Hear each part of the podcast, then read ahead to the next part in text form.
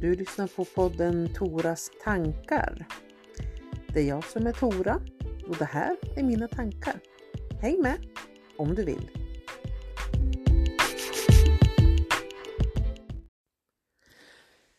Det här med att vi får ta del av så otroligt mycket information.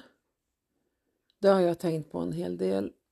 Och jag vet inte riktigt vart jag kommer landa i de här tankarna. Det är inte alltid jag landar och det är inte alltid jag håller med mig själv från en dag till en annan. Men jag tänker att jag delar med er hur jag tänker nu. För att många av oss sitter ju ibland och tänker så här att vi får reda på så himla mycket saker som händer i världen. Eftersom vi har alla media eh, på alla plattformar. Alltså en papperstidning idag är ju inte bara en papperstidning, det finns ju också på nätet och man, man läser där ur på radions nyheter och sådär. Vilket gör att jag får ju samma information fast på tre, fyra olika ställen och det delas hejvilt i sociala medier vilket gör att jag kanske uppfattar det som att något som har hänt en gång har hänt fyra gånger. Artiklar uppdateras hela tiden vilket gör att jag tror att det är ett nytt brott som har begåtts fast i själva verket så har man tagit med hela artikeln när man skriver att något, någon utveckling har skett och någon har häktats eller ett vittne har trätt fram eller sådär. Så själva händelsen är detsamma men jag upplever som att det är någonting mer. Och det är klart att vi ska vara källkritiska och sådär men, men eh, vissa nyheter är ju också ganska likt varandra så det kan vara svårt att skilja på helt ärligt om det är en ny händelse eller om det är samma. Och är det samma så är det illa nog liksom. Det behövs inte repeteras mer. Det är klart att vi behöver ha viss omvärldsbevakning. Olika nivåer beroende på vem vi är eller vad vi jobbar med eller hur vi mår. Jag tror inte det är nyttigt för någon att ta in precis allting som händer. Att vara medveten på omgivningen och att vara engagerad i omgivningen är för mig två helt olika saker. Att scrolla igenom rubrikerna på nyhetssidorna på nätet är en sak för att uppdatera sig själv. Men att djupdyka in i detaljer i varje artikel är en annan. Och här har vi olika sårbarheter, tänker jag, kring vad det gör med oss. Det som också är intressant är hur många gånger vi faktiskt sätter oss någonstans och scrollar igenom glada nyheter på samma sätt och djupdyker på samma sätt och pratar om det på samma sätt. Det finns ju liksom inga tidningar som samlar goda nyheter i samma utsträckning som kvällstidningar till exempel samlar de tuffa nyheterna i stort och smått. Vi kan ju själv skapa våra flöden i sociala medier så att de samlar bra saker. Och där har vi ju ett ansvar för vad vi faktiskt får in också. Och jag tänker prata lite grann kring hur jag tänker med med inflöde och utflöde och processer kring alla informationspunkter som vi hamnar i. Ja, ni kommer förstå om en liten stund.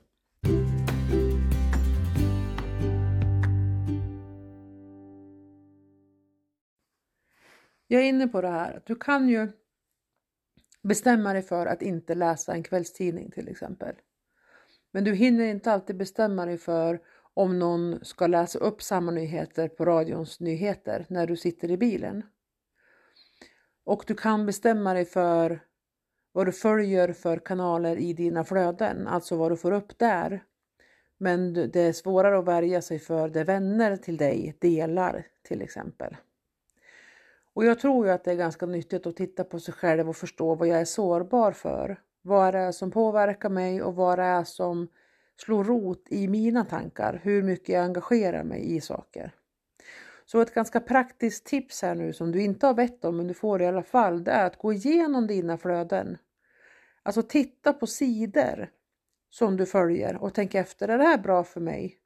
För vissa sidor kan ju ge inspiration ena dagen och skapa stress den andra. Till exempel om jag har sidor som pratar om kosthållning för särskilda mål, att man ska bli stark eller snygg och smal. De kan ju inspirera mig den dag jag själv känner lust till att bli stark och snygg och smal. Medan en annan dag då jag känner att jag inte har kraften eller tycker att det är viktigt eller jag är väldigt missnöjd med mig själv så kan det skapa stress och göra att jag känner mig dålig. Jag kanske följer sidor med inredning för hemmet där jag ser alla dessa rena ytor och väldigt få saker och allting ska ske enligt vad hon nu heter när man ska äga tio saker. Det inspirerar mig till att göra mig av med saker vissa dagar. Andra dagar kanske jag sitter mittemellan en tvätthög och en soppåse och inte orkar göra någonting. Då kommer samma sida att kanske stressa mig.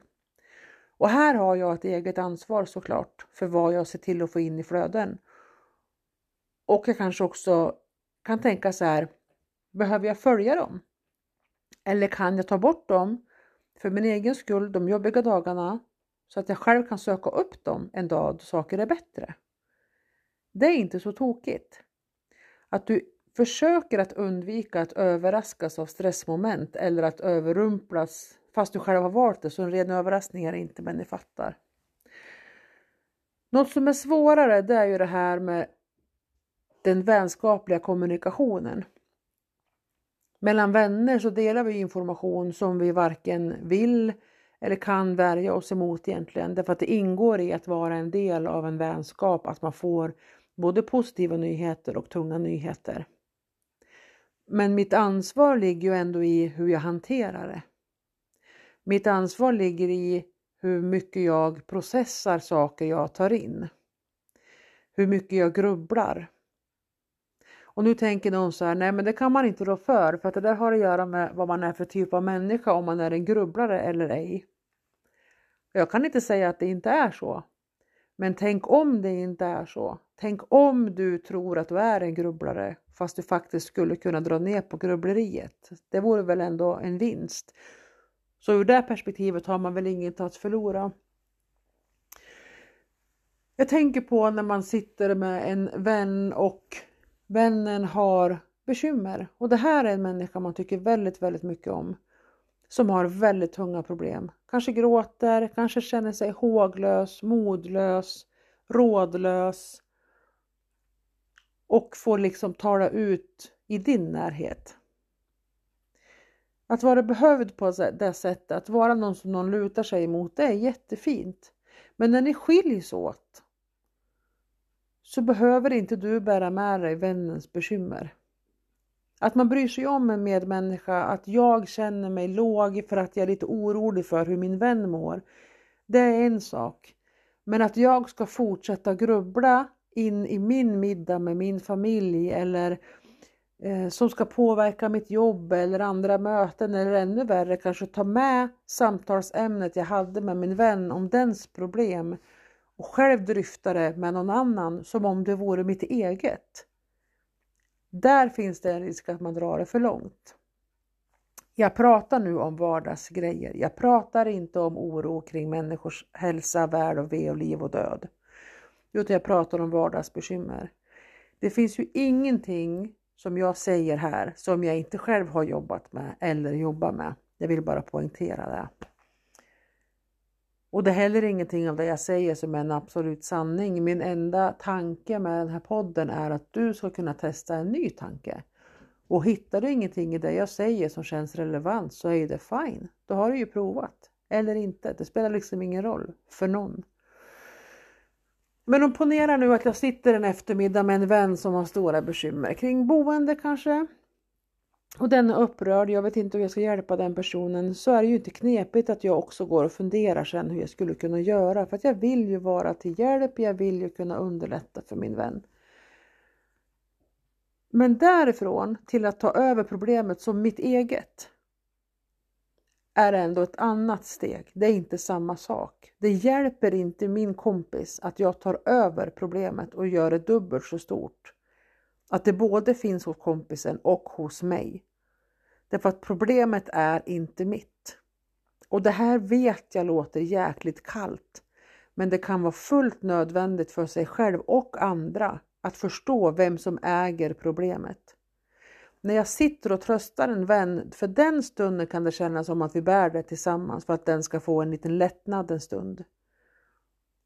Men det är ändå inte så att jag är en bättre kompis för att jag också bryter ihop för min kompis skull.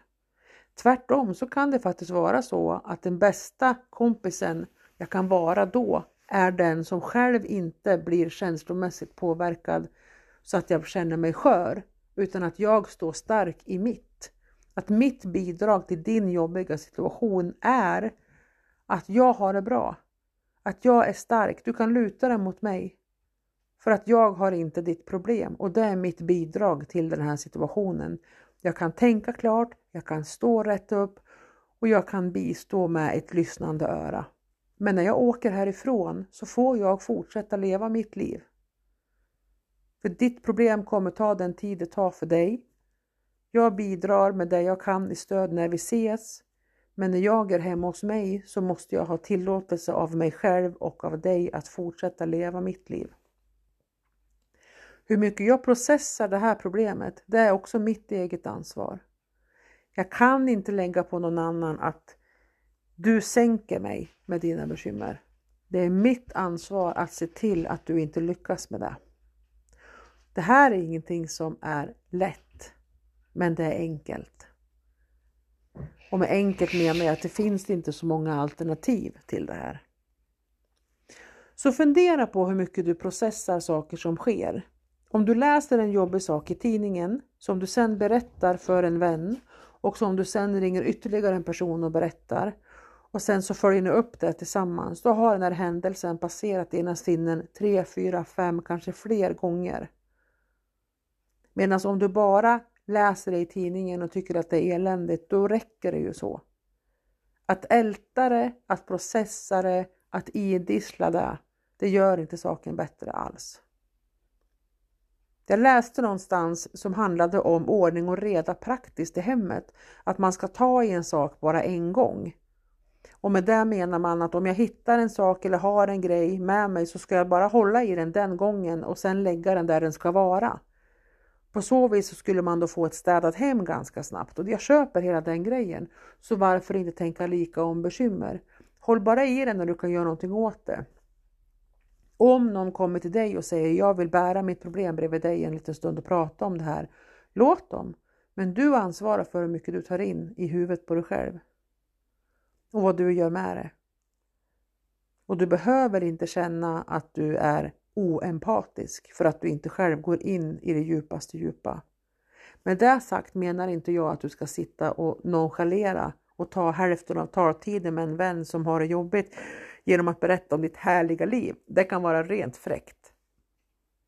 Men när du går därifrån så bör du hitta sätt där du kan räta på din egen rygg och fortsätta leva ditt liv. Det är helt okej. Okay. Det är till och med schysstare mot kompisen att göra så, så att du kan bidra med kraft nästa gång ni ses. Och tycker du att någon drar ner dig för mycket, då kan man faktiskt ge råd till vart människan kan ta vägen istället.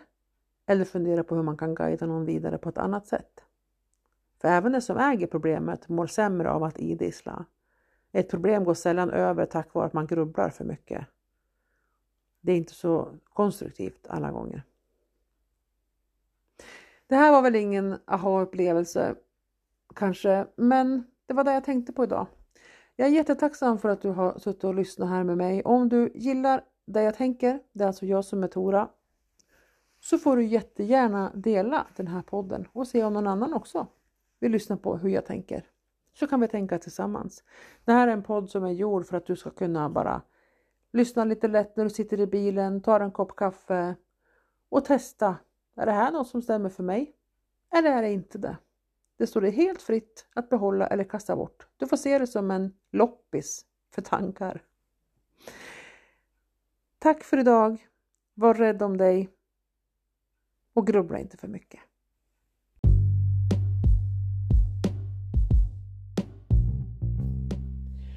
Du har lyssnat på podden Toras tankar. Det är jag som är Tora och det här var mina tankar idag. Tack för att du var med mig.